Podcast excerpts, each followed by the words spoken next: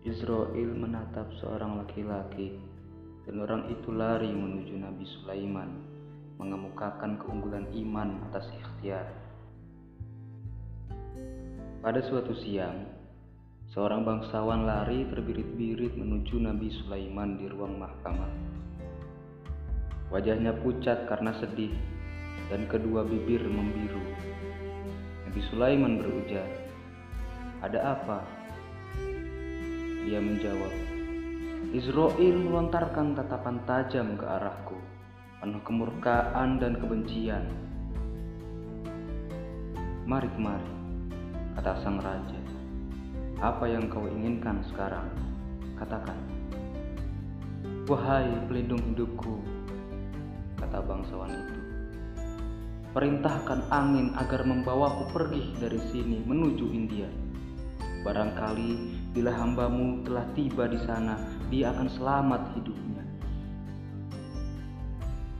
Lihat orang-orang lari dari kemiskinan. Apa mereka itu merupakan mangsa dari ketamakan, iri hati dan wasangka?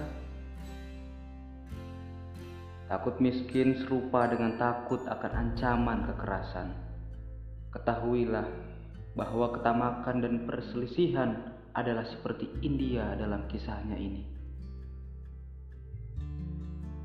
Nabi Sulaiman memerintahkan angin agar membawa lelaki itu secepatnya terbang di atas lautan sampai ke kedalaman India.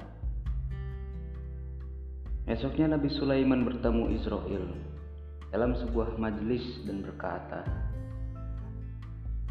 "Apa benar kau menatap seorang muslim itu dengan kemurkaan sehingga ia harus melarikan diri ke tempat yang sangat jauh?"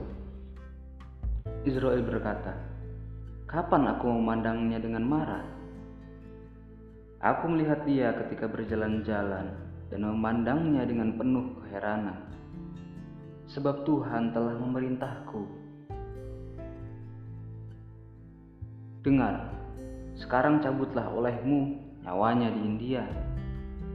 Karena heran, aku pun berkata kepadamu, seandainya dia memiliki seratus sayap sekalipun, Perjalanan ke India itu terlalu jauh baginya.